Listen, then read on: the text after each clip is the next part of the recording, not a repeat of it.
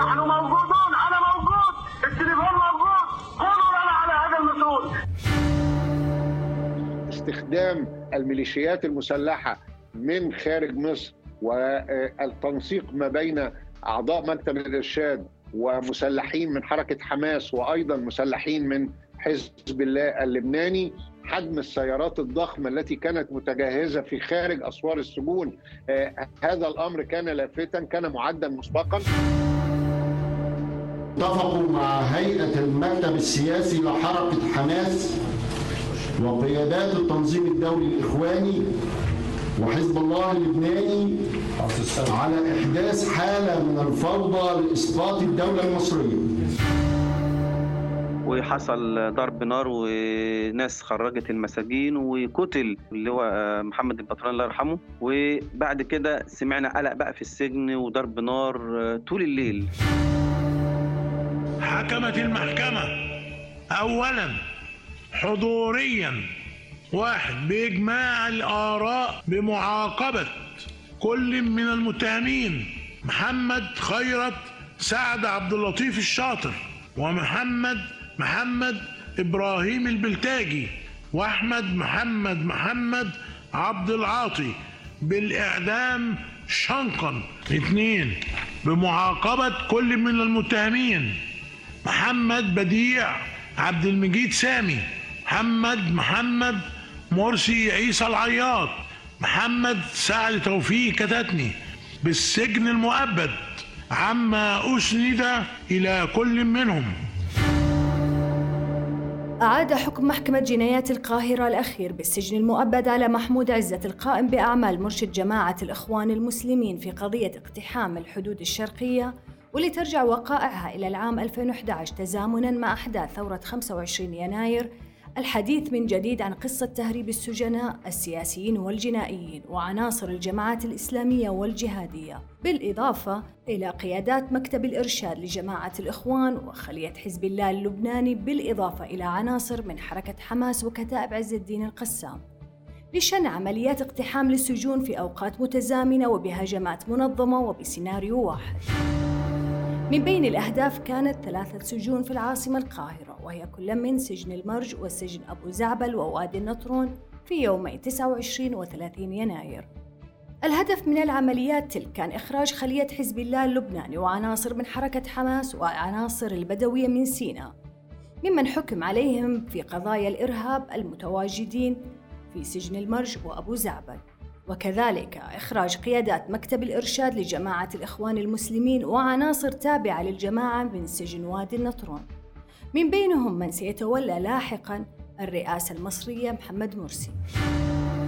بدأت عمليات اقتحام السجون وفق ما أقرت محكمة جنايات القاهرة بعد تنسيق مشترك بين مكتب الإرشاد لجماعة الإخوان وحركة حماس وقيادات عسكرية من حزب الله اللبناني مع بعض العناصر البدوية في شمال سيناء لعبور الحدود الشرقية المصرية. بعد تسلل مجموعات مسلحة تابعة لحزب الله وحماس إلى محافظة شمال سيناء في 28 يناير مستقلة سيارات دفع رباعي مدججة بأسلحة نارية ثقيلة بالتعاون مع عناصر من جماعة الإخوان المسلمين. مهاجمة المراكز الشرطية بمدينة رفح المصرية بالإضافة إلى مدينة الشيخ زويد. وهاجمت ما بها من مراكز أمنية ومنشآت حكومية لتنجح بإفراغ الشريط الحدودي من القوات الأمنية المصرية. في صباح 30 يناير 2011 بدأت عناصر في السجون الثلاثة باختلاق حالة شغب وفوضى في داخل العنابر. وحينها بدأت عناصر مسلحة خارج السجن بإطلاق الأعيرة النارية بكثافة. وبعد تدمير البوابات دخلت عناصر مسلحة إلى سجن أبو زعبل والمرج.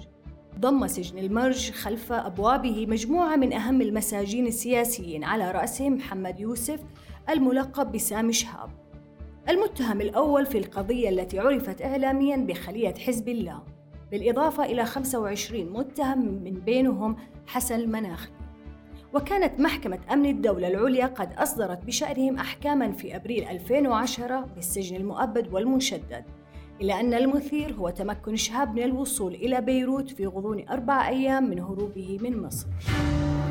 كما ضم السجن أيمن نوفل القيادي بكتائب عز الدين القسام الجناح العسكري لحركة حماس الذي أدلى بحديث إعلامي من غزة عقب هروبه من سجن المرج بأربع ساعات تقريبا. أما سجن أبو زعبل المعروف بشدة الحراسة فكان من بين نزلائه حينها علي موافي الشهير بعلي كيماوي طبيب أسامة بن لادن الخاص ومساجين قضية تفجير طابة ومهندسي الأنفاق في العريش من بينهم مصريين وأجانب وبعض المسجلين الخطرين المنتمين للجماعات الإسلامية المتطرفة. في الساعة الخامسة من عصر يوم 30 يناير اقتحمت عناصر منطقة سجن وادي النطرون. وتمكنت من إطلاق السجناء في السجن رقم اثنين واللي يتكون من سبع عنابر أحدها للجماعة الإسلامية وعنبر لجماعة التكفير والهجرة والجهاديين وشمال سيناء وعنبر رقم ثلاثة للإخوان المسلمين. والذي منه خرج محمد مرسي ومعه 34 من عناصر الإخوان المسلمين سبعة منهم من مكتب الإرشاد. لتقتادهم سيارات جيب وفرتها العناصر المسلحة المتواجدة في الخارج. قبل أن يجري محمد مرسي مكالمته مع قناة الجزيرة من أمام إحدى البوابات الرئيسية للسجن عبر هاتف الثريا. فما هي قصة خروج مكتب الإرشاد لجماعة الإخوان المسلمين وعلى رأس محمد مرسي من سجن وادي النطرون اثنين؟ بعد أن نجحت عملية الاقتحام في تهريب أكثر من 11 ألف سجين قتل من بينهم 13 نزيل. وما حقيقة تنسيق جماعة الإخوان مع الحرس الثوري الإيراني وأذرع المسلحة حزب الله وحركة حماس. أنا هدى الصالح وهذا برنامج جماعات. معنا في هذه الحلقة العميد خالد عكاشة مدير المركز المصري للفكر والدراسات الاستراتيجية. حياك الله سعادة العميد. أهلا وسهلا. تحياتي لحضرتك وللسادة المتابعين جميعا. ومعنا أيضا أحد عناصر تيار الجهاد واللي صدر عليه حكم بالسجن المؤبد في العام 1995 على خلفية قضية طلائع الفتح. وكان ممن ساهم في خروج محمد مرسي من السجن مع 18 من قيادات الإخوان أبرزهم عصام العريان وذلك من سجن النطرون رقم اثنين في يوم الخميس ليلة جمعة الغضب الموافق 28 يناير. لكن طلب الظهور معنا آه، من غير إظهار صورته وأيضا إخفاء هويته. حياك الله أبو الفاتح معنا. شاكرة أهلا وسهلا فندم. أهلا وسهلا. شكرا جزيلا على موافقتك ل آه طيب تسمح لي سعادة العميد أبغى أبدأ مع أبو الفاتح. لو تحكي لنا باختصار آه أبو الفاتح رحلتك يعني بدايتك في في موضوع السجن بإيجاز ويعني إلى لحظة خروجك منه يعني قبل خروجك منه في 2011 بسم الله الرحمن الرحيم. أنا من عناصر الجهاد اللي اتمسكوا في قضية طلائع الفتح خمسة المعروف بإحياء تنظيم الجهاد. وحكم علي بسجن المؤبد ومكثت في سجن شديد الحراسة حوالي سبع سنوات. ثم بعد ذلك انتقلت إلى سجن الاستقبال وسجن أبو زعبل. ثم انتهى بي المطاف إلى سجن النطرون اتنين اللي إحنا خرجنا منه في جمعة الغضب. آه طب ده باختصار ال... طب أستاذ أبو الفاتح طريقة خروجكم في في أحداث يعني 28 29 يناير من السجن هل تشوف إنها كانت منظمة؟ ودي تحكي لي الحي... يعني الأجواء اللي سبقت خروجكم. أيوه إحنا في كان معانا تلفزيونات طبعا وقاعدين في السجن كنا حوالي 18 واحد في عنبر واحد وحوالي 180 شخص من عناصر التكفير والهجرة وسيناء في عنبر اتنين وكان عنبر تلاتة مخصص للإخوان. آه وأنا كنت يعني بنسق الأمور بتاعة المساجين مع إدارة السجن وكده في الفترة ديت لأن يعني باعتبار إن أنا أقدم واحد ومن الموجودين في السجن. فيوم 25 يناير سمعنا عن طريق الأخبار إن في أحداث ومظاهرات في القاهرة نزلت ميزان التحرير يعني في عيد الشرطة بتعبر عن سخطها وكده إن من اللي بيحصل في المجتمع المصري. يعني أنتم كنتوا تتابعوا الأحداث وعندكم إلمام بالمجريات من خلال الشاشات التلفزيون؟ عن طريق التلفزيون. آه. وطبعا بقى يوم آه، 26 ال- اداره السجن اتخذت بعض القرارات إن هي إيه يعني إحنا كان مفتوح علينا البيبان الزنازين ما بتقفلش آه، لا بالليل ولا بالنهار بس بيقفلوا باب السجن ال- ال- الخارجي والداخلي. والزنازين بتبقى يعني مفتحة كده وإحنا إيه بنقعد مع بعضنا يعني اللي لصلاة الفجر وكده بحيث إن إحنا يعني كل العناصر اللي كانت موجودة كلها كانت عناصر آه، يعني ما ملهاش في العنف ويعني يعني واخدة قرار إن هي مسالمة مع ال- الدولة. ففي الفترة ديت آه، بدأ ال- الضباط ضابط يعني أمن أنتم- الدولة إذا تسمح لي أبو الفتح نعم. آه، يعني أنتم آه، في العنبر آه، كنتم منفصلين عن جماعة الأخوان عنبر واحد منفصلين عن جماعة الأخوان أم بتكون كل الزنازين مفتوحة وكلكم هو مع بعضكم؟ كله عبارة عن يعني عنابر جنب بعضها متساوية وكل عنبر مقفول عليه بال اللي هو بي يعني بيسموه اللي هو ال- السياج السلك الخارجي ولكن كل عنبر بيبقى منغلق لوحده. أيوه. لكن هم. كلهم في إطار واحد داخل داخلين في يعني إطار واحد سبع سبع عنابر. ففي يوم 26 آه، طبعا الضابط آه، بتاع المباحث بتاع السجن يعني وصل لي عن طريق الشاويش إن في أمور آه، يعني في قلق في البلد وكده فمش هينفع حد هيخرج آه، من العنبر إلا للتعيين فقط وأنا هبقى أتولى أوزع التعيين على الثلاث عنابر. وكان فعلا التعيين طبعا اللي هو ال- التعيين اللي تقصده بغذاء للطلبات إيه. الفطار والغداء والعشاء. وأنا كنت باخده أوزعه على ثلاث عنابر ب... يعني بكل حسب التوزيعه بتاعه السجن وفي يوم 28 بقى سمعنا إن في مجموعة من مكتب الإرشاد وبعض العناصر بتاعة الإخوان جم في العنبر بالليل مهم. نعم آه وبعد كده سمعنا بقى بعد كده إن في اقتحامات للسجون في سجن الفيوم وحصل ضرب نار وناس خرجت المساجين وقتل العمي- العميد آه، أو اللي هو آه، محمد البطران الله يرحمه.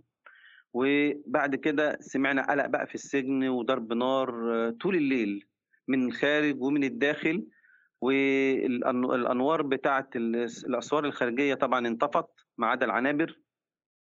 وحصل هياج شديد في عنبر اتنين اللي هو عنبر التكفير وعنبر عناصر سينا. هياج كيف يعني؟ في صوت لل- للمساجين جامد آه، تكبير على ناس بت بتقول إن في قنابل مسيله بتتحدف عليهم من عن طريق التريضات ف يعني ده كان هياج. طبعا الواحد بيبقى السجن بيبقى التريضات مقفولة فإحنا مش عارفين نعرف أي أخبار. ومفيش شاويش يتواصل معانا يقول لنا حاجة. فبعت لي حوالي الساعة 12 بالليل كده ضابط المباحث. لي عبد الناصر آه، أنتوا مالكمش دعوة باللي بيحصل بره وخلي الناس اللي عندكم تلتزم الهدوء وكل حاجة على ما يرام والتعيين هيجي لكم الصبح وكده. لغاية لما جه آه، الفجر آه، يوم 29 الصبح ما فيش ضرب نار بقى خالص لا بره ولا جوه وسمعنا إن ال- الجنائي كان في شراعه كده بنبص عليها من الخارج يعني بتديك حوالي متر كده بتتفرجي على الإيه الخارج. فلقينا المساجين الجنائيين كلهم بره وبدأ في عناصر جاية من الخارج يعني إحنا ما كناش طبعا إحنا كنا مسالمين ما نقدرش نفتح العنبر ولا نطلع فوق السطوح ولا نطلع الحاجات ديت علشان بتبقى طبعا خطر لأن إحنا ناس قديمة وعارفين ال- الموضوع ده خطر جدا على المستوى الامني بالنسبة للسجن. فجي ناس كان معاها مرزبة كده كسرت عندي في عنبر واحد حتة كده من السور فخرجت فلقيت آه، كل الناس بره على غير العادة. طبعا ما فيش أي عنصر من عناصر الأمن موجود خالص والإدارة فاضية والسجلات بتاعة المساجين بتولع آه، في ناس بي- داخله تخرج المساجين من عنبر مين الناس؟ آه، إيش هوية الناس اللي كانت دخلت كانت كان معهم. أسلحة؟ آه لابسة الناس دي كانت لابسة جلاليب. أي. آه، واللي يعني طبعا في ناس كانت بتسرق من العنبر آه، ال- التعيينات وفي هرج ومرج في السجن وباب. أنا لما خرجت ذهلت إن السجن بهذا الطريقة. إيه في, في عايزين نشوف حد نتكلم معاه ما فيش حد. لقيت ال- في عربيات واقفة بره فطبعا عنبر ثلاثة ده كان الإخوان وكان بيقولوا إن في ثمانيه و... أو 38 واحد. قبل قبل ما نوصل لهذه آه، آه، آه، أبو الفاتح أبغى أسألك هل في هذا ال- الوقت يعني كان في مثلا آه، رأيتم يعني في قتلى سقطوا؟ هل صادفت القتلى مثلا آه، شفتهم بره السجن على الطريق لكن في السجن كان المساجين في طبعا في ناس واخدة أحكام كبيرة من بتوع المخدرات والسلاح ولأنه كان السجن متنوع الجنائي والسياسي يعني أقول لحضرتك إن في حوالي مثلا أكتر من نص العنبر بتاع عنبر اتنين كله سمعت إن هم في عربيات جت خدتهم و... وراحوا بيهم سينا. حتى الناس اللي هم ساكنين في القاهرة. فأنا أعجبت يعني إزاي الناس دي تروح آه، سي... طب ما تروح بيوتها. إيه اللي خلاها تروح سينا؟ دول كلهم كانوا عناصر من عناصر التكفير اللي هم بي... بيكفروا المجتمع وبيكفروا الشرطة وبيكفرونا إحنا كمان. إن إحنا مع إيه كمساجين معاهم هل هل؟ تذكر لي هل هل تذكر هل تذكر أسماء قيادات معينة يعني عادل حبارة. عرفتها أي عادل حباره مم. هو إيش آه، كان يعني موجود في عنبر اتنين وده حكم عليه بعد كده ب... ب... بالإعدام. ونفذ فيه قضايا آه، إرهابية في سينا أيوه آه، في ناس كتير طبعا في أسماء بت... هم معظمهم كان يعني مثلا الكنى هي اللي كانت مشهورة في إيه في السجن.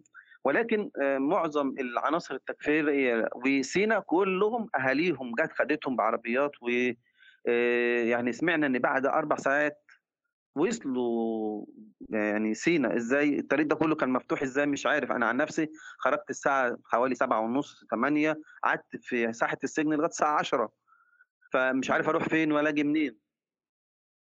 آه لكن آه ال- العنبر ثلاثة بقى دول كانوا آه عناصر الإخوان اللي كانت موجودة مو- كان منهم رجب بالبنا تقريبا ومحمد مرسي حفظا للألقاب يعني. وكان تقريبا عصام العريان وبعض الشخصيات.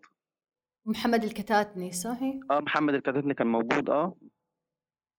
طب أستاذ استاذي أنا عشان هذه بخليها الفقرة نناقشها مع بعض. أبغى أتجه لسعاده العميد خالد. طبعا إحنا سمعنا أبو الفاتح لما ذكر هذه حالة الهرج والمرج في في السجون اللي كانت في ذلك الوقت. وطبعا كان في هناك يعني من يضع اللوم يقول لك إنه كان في إن الأمن هو اللي سمح للسجناء أنهم يخرجوا في ذلك الوقت. آه، أو إن ما كان في أيضا استعداد لقوات أمنية بحيث تواجه مثل هذه حالة الشغب آه، في السجن. وأبغى أسألك آه، سعاده العميد حقيقة إنه هذا الاتصال اللي كان ما بين حركة حماس وعناصر من شمال سيناء وحزب الله اللبناني هل هو تنسيق بشكل شبه تنظيمي أم أنه كان لحظي بناء على المعطيات والمجريات اللي كانت متسارعة في ذلك الوقت؟ آه، يعني آه، ناخد جزء جزء من الأسئلة اللي حضرتك بتطرحيها يعني مجموعة من الأسئلة المهمة الحقيقة. آه، لو بدأنا بالجزء الخاص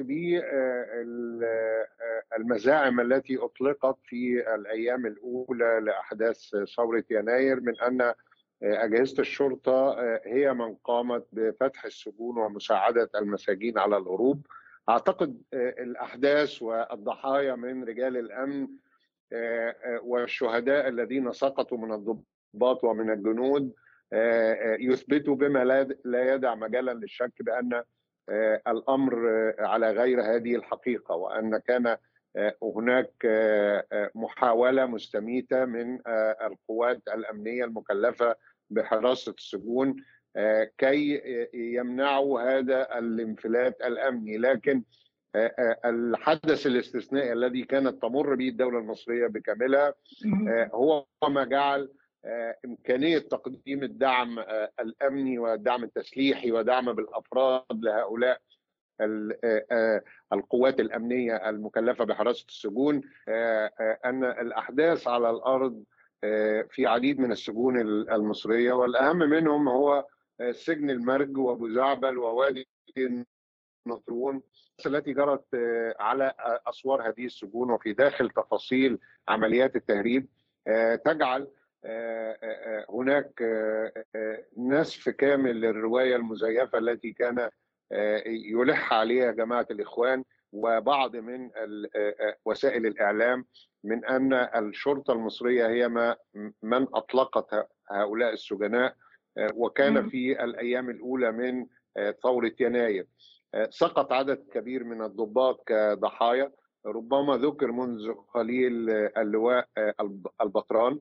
وهو أحد قيادات السجون الكبار في مصلحة السجون في مصر وسقط شهيدا برصاص المقتحمين في سجن الفيوم وهي محافظة جنوب محافظة الجيزة قريبة من العاصمة القاهرة بنحو 100 كيلو متر في الجنوب الغربي أيضا كان هناك ضحايا من الضباط ومن الجنود في منطقة سجون وادي النطرون التي شهدت الأحداث الأكثر سخونة والتي كانت يطلق فيها الأعيرة أن أعيرة النيران من رشاشات أوتوماتيكية وكلاشينكوفات والمجموعات التي كانت قادمة من سيناء استخدمت حجم مكثف جدا من السلاح ومن الذخائر التي أسقطت هي الأخرى بعض من الضحايا في القضية الشهيرة التي حكم على محمود عزت فيها بالسجن المؤبد وهي سقوط ضحايا من الضباط ومن المساجين أيضا داخل ومن الجنود الحراسة داخل أسوار سجن وادي النطرون. ممكن توضح لي هذه؟ ممكن توضح لي هذه إيش ارتباط محمود عزت في هذه لو بإيجاز؟ محمود عزت وجهت إليه اتهام كونه المنسق. وهذا هو الجزء الثاني من السؤال والخاص بعملية التنسيق ما بين جماعة الإخوان وما بين عناصر حركة حماس وأيضا الحرس الثوري التابع لحزب الله أو خلية حزب الله التي كانت مكلفة بالقدوم واقتحام الحدود الشرقية. وهذه هي عنوان القضية. محمود عزت لم يكن مقبوض عليه في المجموعة التي كانت موجودة داخل السجون على سبيل الاعتقال في أحداث يناير ولذلك ثبت على محمود عزت باعتباره عضو في مكتب الإرشاد وهو يرتبط بعلاقات وثيقة مع كل من حركة حماس في غزة وحزب الله في لبنان أنه قام بعمليات التنسيق من أجل تجهيز مجموعات وميليشيات مسلحة تكون جاهزة على الحدود الشرقية المصرية في قطاع غزة. ومن ثم تقوم باقتحام الأنفاق الموجودة تحت الأرض من أجل التسلل إلى الداخل المصري واستغلال أحداث ثورة يناير من أجل تهريب بداية عناصر حركة حماس الموجودة في السجون المصرية والتي صدر بحقها أحكام وأيضا خلية حزب الله التي كانت ضبطت في داخل مصر تقوم بعمليات التجنيد وعمليات تخريب وتدمير حكم أيضا على عناصرها بأحكام متنوعة كانوا يقضون العقوبة في العام 2011 وقت تهريبهم. الدور المحوري في هذا الأمر وهذا القدر من التنسيق وعندما تطلب هذا التنسيق أن يكون هناك عناصر من شمال سيناء كي تحمل هذه الميليشيا المقتحمة أو أو العناصر التي اقتحمت الحدود كان يراد لها أن يتم حملها عبر عناصر مصرية كي تعبر من شمال سيناء وصولا إلى محافظات الدلتا التي تقع فيها سجون المرج ووادي النطرون وأبو زعبل. قام محمود عزت على ما يبدو أو أو هكذا ثبت في جلسات المحاكمة أنه قام بتجهيز العناصر من أهالي شمال سيناء أو بعض من المنتمين إلى محافظة شمال سيناء تولوا هم نقل هؤلاء إلى بسيارات دفع رباعي إلى أسوار السجون وتم إمدادهم بالأسلحة والذخائر التي استعملوها في تحرير ونقل آه، آه، العناصر التابعة لها آه، خلية حزب الله. ومن ثم العودة بهم إلى شمال سيناء وتهريبهم عبر الأنفاق إلى آه، داخل غزة وتابعنا طيب. بعد ذلك آه، عديد من الأدوار ده الدور الرئيسي اللي قام به محمود عزت وأعتقد إن هو أدين على خلفية هذا الدور سعادة العميد حضرتك كنت في ذلك الوقت آه، أحد ال- القيادات الأمنية المسؤولة في في شمال سيناء صحيح؟ هذا صحيح هذا صحيح طب من حيث حضرتك كنت على في أرض الواقع وكنت في في في خضم هذه الأحداث المتسارعة ودي لو تقول شو اللي لمسته في ذلك الوقت ما من آه، في إطار التنسيق العمل المشترك اللي كان ما بين قيادات الإخوان وحماس وحزب الله والحرس الثوري الإيراني يعني. آه، والمشهد في آه، اجتياح الحدود الشرقية لمصر. بالطبع عمليات التنسيق التي تكشفت في داخل المحكمة لم لم تكن ظاهرة في هذه الأيام المبكرة أو الساعات المبكرة.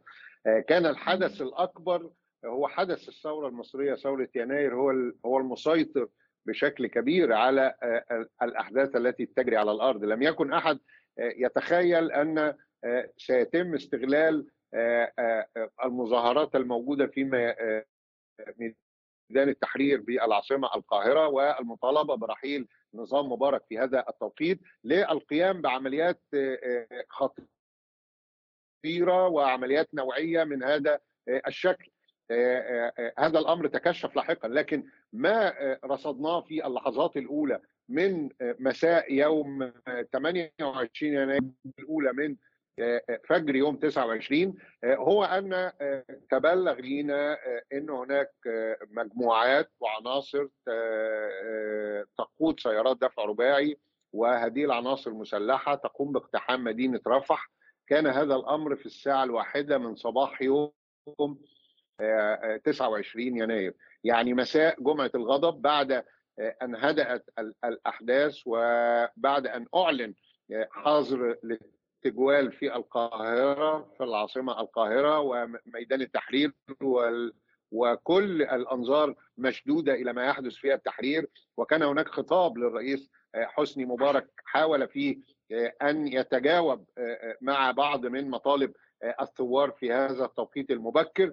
إذا بنا نتبلغ ونحن موجودين في العاصمة أن هناك مجموعات تقتحم مجموعات مسلحة مسلحة بالكلاشينكوفات بالار بي جي بالقذائف آه، آه، بزجاجات المولوتوف بالمواد الناسفة تقوم باقتحام مدينة رفح وهي مدينة صغيرة محدودة العدد إلى حد كبير لكن بها أماكن شرطية. آه، كان هناك اعتداء مسلح كبير وكان هناك إحراق وتفجير وتدمير للمباني ال- الأمنية ومباني تابعة للحكومة مباني رسمية. وكان مم. هذا الأمر في لحظاته الأولى آه، آه، فسر من جانبنا على أنه آه، اعتداء من اعتداءات الثورة. لم يكن آه، آه، لم نكن نملك القدرة على تفسير ما سيحدث بعد ساعات من هذا الحدث. آه، كنا نتوقع آه، نعتبره عمل من أعمال الشغب لكنه آه، كان يعني متقدم للغاية وأحدث خسائر كبيرة. وكان هو في حد ذاته مستهدف أن يحدث هذا القدر من الصخب كي يلفت الانتباه وكي يجذب انتباه آه، الجهاز. الأمني وهذا ما جرى بالفعل والتفتت الأجهزة سريعا كي تقوم بحماية الأهالي كي تقدم آه، آه، الحماية للعناصر الأمنية الموجودة في المدينة ومن ثم في الثالثه من صباح نفس اليوم يعني بعد ثلاث ساعات تقريبا من البلاغ الأول وصل بلاغ آخر يقول أو يذكر بأن هناك هجوم على مدينة الشيخ زويد وهي تبعد 30 كيلو متر آه، شرق آه، آه، عفوا غرب مدينة آه، رفح داخل الأراضي المصرية. آه، نفس استخدام العنف المفرط نفس استخدام السلاح بشكل آه، مكثف. طبعا الحين كبير من ضحايا من رجال الأمن. الحين وبعد هذه هم انتقلت نفس المجموعات إلى إلى السجون يعني بشكل متزامن يعني لاستكمال الخطه آه، يعني آه، أعتقد أن كان هناك آه، مجموعات أخرى. مجموعات أخرى كانت المجموعات المسلحة تقوم بعملية إشغال وتدمير وجذب الانتباه الأجهزة الأمنية كي تكون غارقة في مجابهة آه، آه، ما يجري في آه، رفح. والشيخ زويد ومن ثم كان هناك مجموعات أخرى آه، آه، قامت عناصر من شمال سيناء باصطحابها بشكل سريع آه، إلى آه، داخل آه، محافظات الدلتا آه، آه، كي تصل إلى آه، ساحات السجون. يعني العناصر أو أو المجموعات والخلايا التي كانت مكلفة آه، بالقيام بعمليات تدمير في رفح والشيخ زويد استمرت في معارك مسلحة مع الأجهزة الأمنية آه، لمدة يومان كاملين.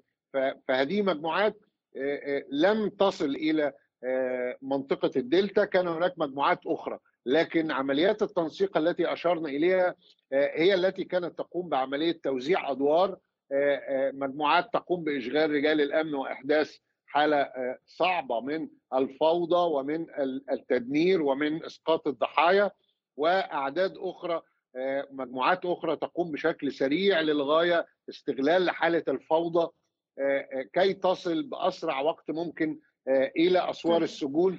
ومن ثم قامت بعمليات آه، آه، اشتباك نيراني مع آه، المجموعات الأمنية أو أو القوات المخصصة للتأمين في سجون كل طيب. من أبو زعبل ووادي النطرون والمرج اسمح لي أبغى يعني أتوجه لأبو الفاتح وأبغى أسألك من حيث من مكان ما توقفنا بخصوص الآن مرحلة إنه بعد ما فتحت العنابر أمامكم وخرج السجناء. آه، قلت لي إن حضرتك آه، الآن صار العنبر اللي جنبك كان لجماعة الإخوان المسلمين رقم ثلاثة. عنبر ثلاثة كان عنبر الإخوان المسلمين وكان آه، يعني يعتبر قبل الثورة كان يعتبر في نفرين أو ثلاثة اللي هم مثلا بيجوا من مدينة السادات آه، شباب صغير. لكن آه، بعد 25 يناير آه، آه، جه حوالي عشرة وبعد كده سمعت إن يوم آه، 28 بالليل تقريبا أو 27 إن في مجموعة كبيرة جت من الإخوان ودول من مكتب الإرشاد كلهم كبار كبار في السن. يعني ده اللي اللي وصل لي من أحد ال- الشوشيه إن طيب في ناس اتسكنت في 27 عنبر. آه يعني آه 27 آه، بالليل آه. 27 بالليل دي مجموعة آه، آه، اعتقالات لفعلا لعدد كبير من رجال مكتب الإرشاد كبار السن كما يذكر آه. الضيف العزيز. هذه معلومة صحيحة. اللي كان منهم محمد مرسي واللي كان منهم الكتاتني كتتني آه، قامت قامت بهذه عملية الاعتقالات الأجهزة الأمنية على اعتبار أنهم يحرموهم من المشاركة صباح الغد اللي هو 28 في أحداث جمعة جمعة الغضب. اللي كانت آه، معلن آه. عنها فندم. آه اتفضل وقعدوا في اليوم ده قعدوا حوالي بتاع حوالي 24 ساعة وحصل بقى الهجوم على ال- السجن و- وخرج المساجين يوم آه، 28 حوالي الساعة 6 ونص 7 الصبح إيه آه، العنبر زي ما قلت لحضرتك كان آه، عنبر اتنين معظمه راح سينا آه، بطريقة يعني سريعة جدا ده اللي. لفت نظري ساعتها. وعنبر بقى ثلاثة اللي كان في الإخوان كانوا كبار في السن ما كانوش بيقدروا إيه يعني يتحركوا ويجوا كانوا برضو هايبين الموقف يعني مش عارفين إيه اللي بيحصل بره. وبعد مم. كده جه ناس خرجتهم وأنا كنت واقف معاهم. وكان في عربيات آه، أنا مش عارف مين اللي جابها بصراحة. أنا لقيت عربيات كتير واقفة بره على الطريق الخارجي وكل كل عربية تاخد لها نفر أو نفرين وبيمشوا. طب احكي لي أحكي لي كيف انت كيف خرجتوا؟ يعني أنتم كنتوا اللي أنا حسب معلوماتي إن حضرتكم إن يعني حضرتك اتجهتوا لمكان كان الباب يعني خلفي مغلق يعني لم يتم آه، تحطيمه مثل الباب الرئيسي. فكيف؟ كان في يعني أنا شفت بتاع حوالي ثلاث أربع انفار آه لابسين جلاليب ومشمرينها كده يعني على وسطهم وبيبقى معاهم مرزبة كبيرة.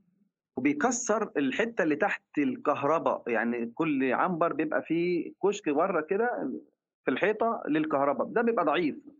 فكسروا الحتت دي والناس فعلا خرجت من الإيه؟ من آه، الأماكن اللي هم اتكسرت فيها ديت. وخرجنا لقيت الباب بتاع السجن من الخارج مفتوح آه، طبعا اللي هو الإلكترون اللي هو الكهرباء ده مفتوح على الآخر والباب اللي قبليه برضو البابا مفتوحة. والمساجين بيتحركوا بطريقة عشوائية اللي هو الجنائي آه والإخوان اللي هم ال 28 نفر اللي كانوا موجودين على ما أذكر يعني في العدد آه، دول آه، كان في ناس من مدينة السادات تبعهم برضو إخوان أنا كنت عارفهم كانوا بيجوا زيارات آه، ودول خدوا ال- المجموعة كلها وأنا شايفهم بعربياتهم يعني الملاكي وكله خرج وروح.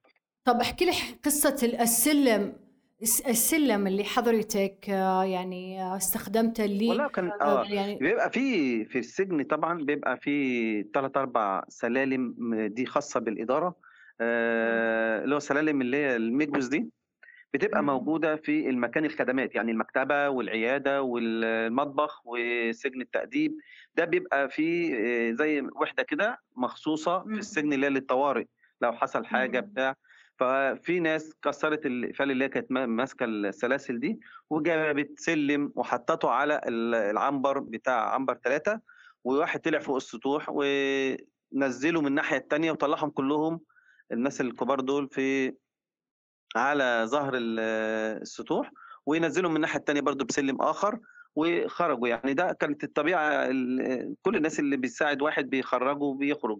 لكن حضرتك شو المواقف اللي كانت بينك وبين محمد مرسي في ذا في هذه اللحظات أنا مع العريان الأستاذ محمد مرسي ده من عن طريق مجلس- الشعب وكنت اتفرج على الجلسات بتاعه التلفزيون لكن ماليش في علاقة شخصية بينه وبينه. أنا اللي كنت أعرفهم وعملت معاهم علاقة شخصية مثلا كان آه، الدكتور عصام العريان آه، رجب البنا آه، أمير بسام آه، آه، عضو مجلس الشعب جه في مرة اعتقل برضه قبل ما يبقى عضو مجلس الشعب الأستاذ حجاج عن مدينة السادات دول اللي إيه من القيادات اللي أنا أعرفهم آه، وطبعا أوكي. الأستاذ. حسن الدكتور حسن البرنس ومحمد في هذه الأحداث آه يعني آه، آه من من. التفافنا في السجون عرفنا بعض الشخصيات نعم. وبيبقى نعم. لنا معاهم علاقة شخصية لكن الاستاذ محمد مرسي أنا ما كنتش آه، أعرفه شخصيا يعني كده. لكن تمام. أنا شفته هو أقصد أي تفضل أنا شفته وهو خارج آه وتقريبا آه بعد ما جابوا له عربية كان بيتكلم في تليفون بس ما أعرفش كان بيتكلم مين. وبعد كده بقى لما خرجت أنا سمعت إن هو كان بيتكلم آه تقريبا قناة الجزيرة بيقول لهم ان إحنا خرجنا وكده. الناس كلها شافته يعني. وبعد كده كلنا خرجنا. أنا بقى خرجت وروحت من السجن ده حوالي الساعة عشرة ونص كده من على الطريق. وبعد اتصالي طبعا بأخ عزيز عليا أعرفه يعني. وساعدني إن أنا إيه يعني يوجهني إزاي آه، أروح. طب أستاذ آه، في هذه اللحظات أنا سألتك يعني عن محمد مرسي في هذا الوقت وأنتم جالسين يعني تطلعوا على السلم و بتساعدوا بعض يعني ودي أشوف هل صار في آه، مثلا مواقف معينة أو تبادلت حديث مع أحد من الشخصيات هذه أو الموقف طبعا كان صعب وكان آه، إحنا أنا عن نفسي كنت بهابه يعني مش عارف أنا يعني ده زي اكنك كده بتنقذي في حريقة كبيرة وأنت بتنقذي أي حد واقف بتشد إيده بتساعده في النزول لكن آه، الكلام كله بيبقى عبارة عن آه، هات إيدك آه، طب انزل بالراحة طب كده لأن هم كانوا في ناس كبار جدا في السن ويعني زي ما يكون يعني هو آه، يعني. جسم مليان فما بيقدرش يتحرك زي الشباب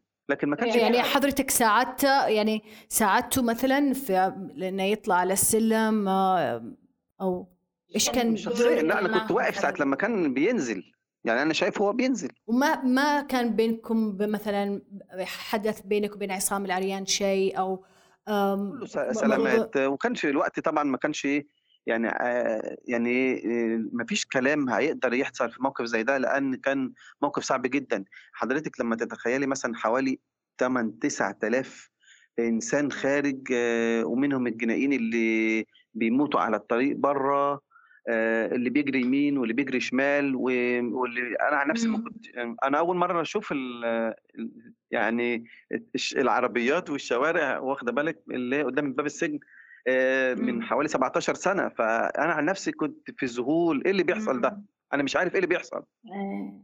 أنا ما كنتش طب أبغى أسألك طريق اسكندرية. منين ولا طريق القاهرة منين فما حدش مم. بيقف لحد في ال- في الشارع الخارجي.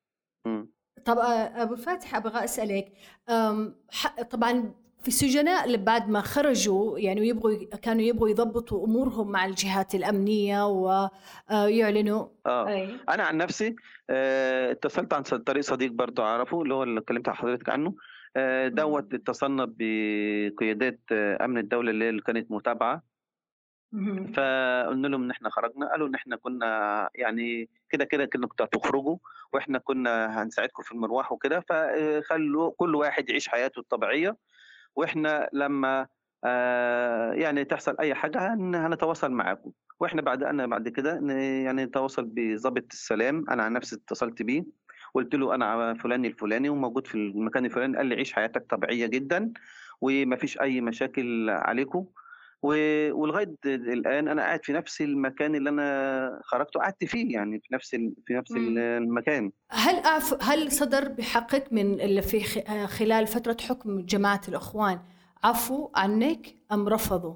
والله أنا مش هخبي على حضرتك أنا حاولت أتصل بيهم واتصلت فعلا بمكتب الإرشاد عن طريق قيادة واتصلت عن طريق آه، الأستاذ آه، اللي كان منتخب عن طريق مجلس الشعب وده مكتبه موجود في ترعه الجبل في جنب سرايا القبة كده ورحت. قابلته واديته الأوراق بتاعتي على أساس إن أنا يعني أطلب عفو أو أو أحاول أنسق ورقي وكده فطبعا مم. آه، للأسف أنا ما لقيتش أي استجابة منهم تماما مم. لا إن هم يساعدوني إن أنا مثلا أجد عمل لأن أنا خارج من 17 سنة أنا كنت شغال محاسب.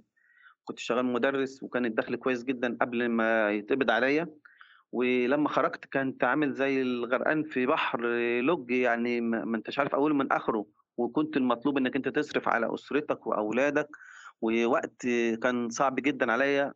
فطبعا اضطريت إن أنا أشتغل في المعمار من أول وجديد وبقت آخد يوميات ضئيله.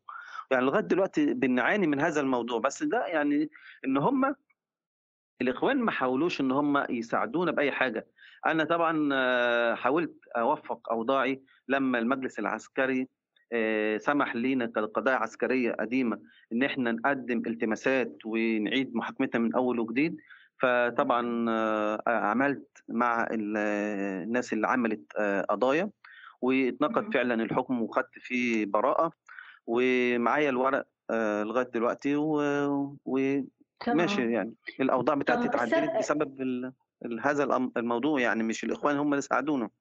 أي. طب أستاذ أب- أبو فاتح أبي أسألك ه- لحظة الخروج من السجن هل هناك كان فرق بين اللي يخرج ولابس ملابس الزرقاء وبين اللي بيطلع لابس ملابس بيضاء؟ لابس البيض آه آه طبعا كان في فرق جامد. نعم وكان الناس بيسألوك أنت سياسي ولا جنائي؟ سياسي يقول لك اتفضل حضرتك وبتاع كده. لكن الجنائي آه كانوا بيعاملوه معاملة قاسية جدا. آه وأنا شفت حوادث والله بعناية على الطريق السريع آه الأولاد دول كانوا بيمشوا زي المجانين كده آه، زي شفت مؤاخذة في التعبير شوية آه، فراخ وكانوا حاطين في قفص وخرجوا فبيجروا جري عشوائي. فكان الطريق بره حصلت فيه حوادث جامدة جدا وناس ماتت وكان آه، ال- المزارع كانوا خرجوا الغفر وأي حد كان بيقرب كانوا بيضربوه بالنار برضه. كانوا خايفين منهم أيوة. جدا. طب خليني أتوجه لسعادة العميد. أم، سعادة العميد بالنسبة للحين حالة الهروب هذه كم قدرتم عدد ال- ال- السجناء أو النزلاء اللي هربوا وكم منهم تم إعادتهم بعد ما هدأت الأمور و...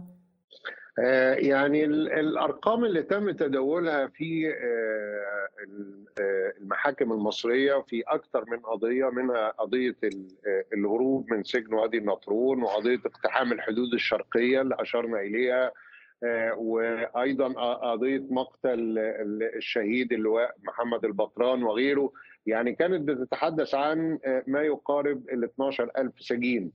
من مجمل آه، السجون اللي حصل فيها آه، خروقات أمنية لكن يظل سجن وادي النطرون باعتباره مجمع للسجون وليس سجنا واحدا آه،. وهو آه، يعني هو محور حديثنا منذ بدأنا الحديث هو اللي كان نعم. فيه آه، آه، جماعة الإخوان ومكتب الإرشاد وهذا السجن وحده أعتقد آه، له نصيب الأسد من هذا الرقم 12000 لأن فعلا كان هناك عدد كبير جدا من آه، المساجين الجنائيين آه، آه، المعتقلين السياسيين والذين كانوا يعني على خلفية قانون الطوارئ الذي كان سائدا قبل ثورة يناير 2011 كان تتيح للأجهزة الأمنية أنها تقوم تحفظ آه، آه تحسبا لإجراءات أمنية وخلال أسابيع أو شهور يتم عرض هؤلاء على النيابة العامة.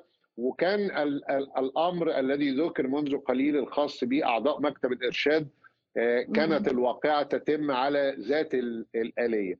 آه، آه، العدد الأكبر من هذه ال- الأرقام رقم ال 12000 سجين تم العودة وتسويه الأوضاع. مثلما استمعنا منذ قليل من الزميل العزيز. عدد كبير جدا من آه، آه، هؤلاء تم آه، التواصل ما بين الأجهزة القضائية والأمنية ومعهم وتقديمهم لأوراق ال- القضايا إعادة محاكمات في البعض منها تسوية أوضاع أو قرارات بالعفو وبالخروج المبكر لمن قضى سنوات من المدد. كل هذه الأمور قام بها المجلس العسكري الذي أدار ال- العملية الانتقالية آه، في محاولة لضبط الأوضاع أو للوصول إلى إلى أفضل صورة آه، تقلل من حجم آه، ال- الخسائر بشكل كبير وتحقق قدر من الاستقرار لهذا المرفق الذي تضرر بشدة وأصابه الكثير من الخلل خلال أحداث هل في عدد سعادة العميد؟ هل في عدد لل... ال- اللي خرجوا واللي استطعتم إعادتهم ومن لا زال خارج يعني خرج خارج مصر مثلا. آه، لا اللي خرج خارج مصر أعداد بسيطة للغاية. آه، لا تتجاوز المئة عنصر على أقصى تقدير. أعتقد أنها محصورة في آه، الخلية التابعة لحركة حماس وأيضا آه، آه، خلية حزب الله التي كانت تقضي آه، آه، أحكام بالسجن. آه، داخل آه، سجن أبو زعبل آه، هذه هي المجموعات التي كانت تحمل جنسية أجنبية هي التي خرجت خارج آه، مصر وحدها وكانت كل عملية الاقتحام للحدود ودخول العناصر مم. المسلحة والميليشيا كانت من أجل تهريب هؤلاء باعتبارهم عناصر داخل ميليشيات مسلحة بالأساس ولديهم القدرة على الكر والفر والهرب والقيام بعمليات من هذا النوع لكن الغالبية الأكبر آه، كانت تحمل الجنسية الغالبية الكاسحة كانت تحمل الجنسية المصرية ولذلك لم يخرجوا في خارج الحدود المصرية لجأوا إلى أسرهم. الأسر بدأت ت- تقوم بعمليات التواصل مع أجهزة الأمن بعد أن استقرت الأوضاع. آه، كان هناك عملية توافق آه، كبيرة آه، ما بين الأجهزة الأمنية وبين آه، من هرب في اللحظات الأولى لكن في أسابيع أخرى بعد أن تغير آه، النظام وبعد أن آه، آه، انتهت أحداث الثورة آه، بدأ القائمين على الأمر من المجلس العسكري والقوات المسلحة التي كانت تدير المشهد في هذا التوقيت. تعاملت بشكل آه، يعني ذكي جدا ورصين الحقيقة واستوعبت كل الأخطاء واستطاعت فعلا أن ت- تقلص حجم الخسائر إن كانت خسائر مادية أو خسائر حتى على مستوى تدمير السجلات والأوراق وغيره من الأمور طب سعادة- بهؤلاء سعادة العميد. أبغى أسألك هل نقدر نسمي آه، خروج محمد مرسي وقيادات مكتب الإرشاد اللي كانت معه وعناصر الإخوان يق- اللي كانوا في ذاك الوقت؟ نسميه خروج أم هروب؟ ولماذا لماذا بعد اتصال محمد مرسي بقناة الجزيرة أو اتصال الجزيرة على هاتف الثريا فور خروج محمد مرسي؟ لم يعني آه، تخدم الأجهزة الأمنية ل- لعودتهم لأنه هو قال إحنا ما هربنا إحنا خرجنا وإحنا موجودين ومكاننا معروف فلماذا لم يتم إعادتهم؟ آه، يعني اولا على مستوى التوصيف القانوني والتوصيف القضائي كان آه، كان هذا يمثل هروبا لا شك في ذلك خاصة آه، آه، آه، آه، أنه تم استخدام الأسلحة آه، كان تحت تهديد السلاح و- يقال أن الناس هي اللي فتحت الأبواب السجن, أبواب السجن وليس أن هناك مسلحين من الخارج أو عناصر مسلحة تعمدت. يعني آه، يعني هذه كانت آه، كانت دعاية آه، كاذبة ودعاية مزيفة من جماعة الإخوان آه، آه، لم تقم الأجهزة الأمنية بفتح ال- البوابات بل على العكس من ذلك وتم إثبات ذلك في القضايا والمحاكمة التي جرت لمحمد مرسي ولكل الموجودين في آه، السجون في هذا التوقيت بأن كان هناك ضحايا من رجال الأمن ومن الجنود ومن المساجين أنفسهم. مس- المسجون الذي كان يرفض الخروج آه، كان يتم إطلاق النيران عليه. هناك بعض من المساجين كانوا آه، غير مدركين ما يحدث وكانوا يخشون على آه، أن آه، آه، في حال خروجه آه، آه، أن آه، يعني يتأثر موقفه القانوني خاصة لمن قضوا سنوات آه، طويلة آه، كانت. حالة استثنائية من الفوضى آه، آه، يعني جعلت الجميع لا يدرك كيفية تفسير هذا الموقف ما هو طبيعته لكن بكل المقاييس آه، تم ثبوت استخدام الأسلحة وقدوم آه، آه، آه، عناصر ومجموعات من الخارج هي التي ساعدت المساجين وهي التي قامت بالفعل المسلح والهجوم الرئيسي على السجن. ومن ثم تداعت الأحداث. قد يكون هناك مشهد هنا أو هناك عبارة عن فتح لبوابات لمجموعات لمجموعة من العنابر لغيره. هذا مفهوم ومتوقع من دون شك. لكن حدث الاعتداء المسلح على السجون وتجهيز السيارات والقدوم بهذه الأعداد الكبيرة التي ذكرها كل الشهود داخل أروقة القضاء المصري في القضايا المتعلقة بهذا النوع. كان هناك مشاهد كبيرة. الزميل العزيز ذكر منذ دقائق حجم السيارات الضخمة التي كانت متجهزة في خارج أسوار السجون. هذا الأمر كان لافتا كان معدا مسبقا وكان أصلا العناصر القادمة عناصر تتجهز من أجل تهريب ال- السجناء.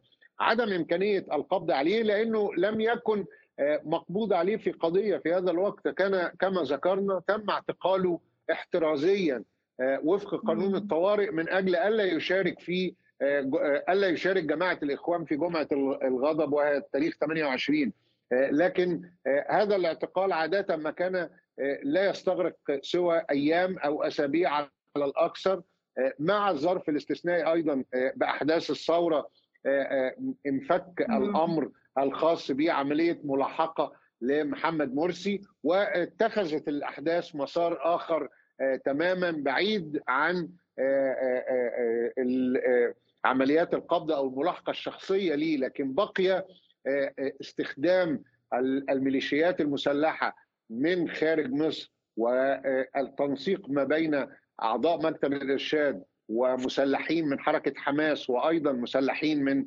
حزب الله اللبناني تسهيل دخولهم للأراضي المصرية آه، تقديم الأسلحة والمواد اللوجستية مثل السيارات وغيره لنقل هؤلاء تهريب والمساعدة في تهريب العناصر الحمساوية واللبنانية المنخرطين والمحكوم عليهم بأحكام نهائية. هؤلاء لم يكونوا معتقلين.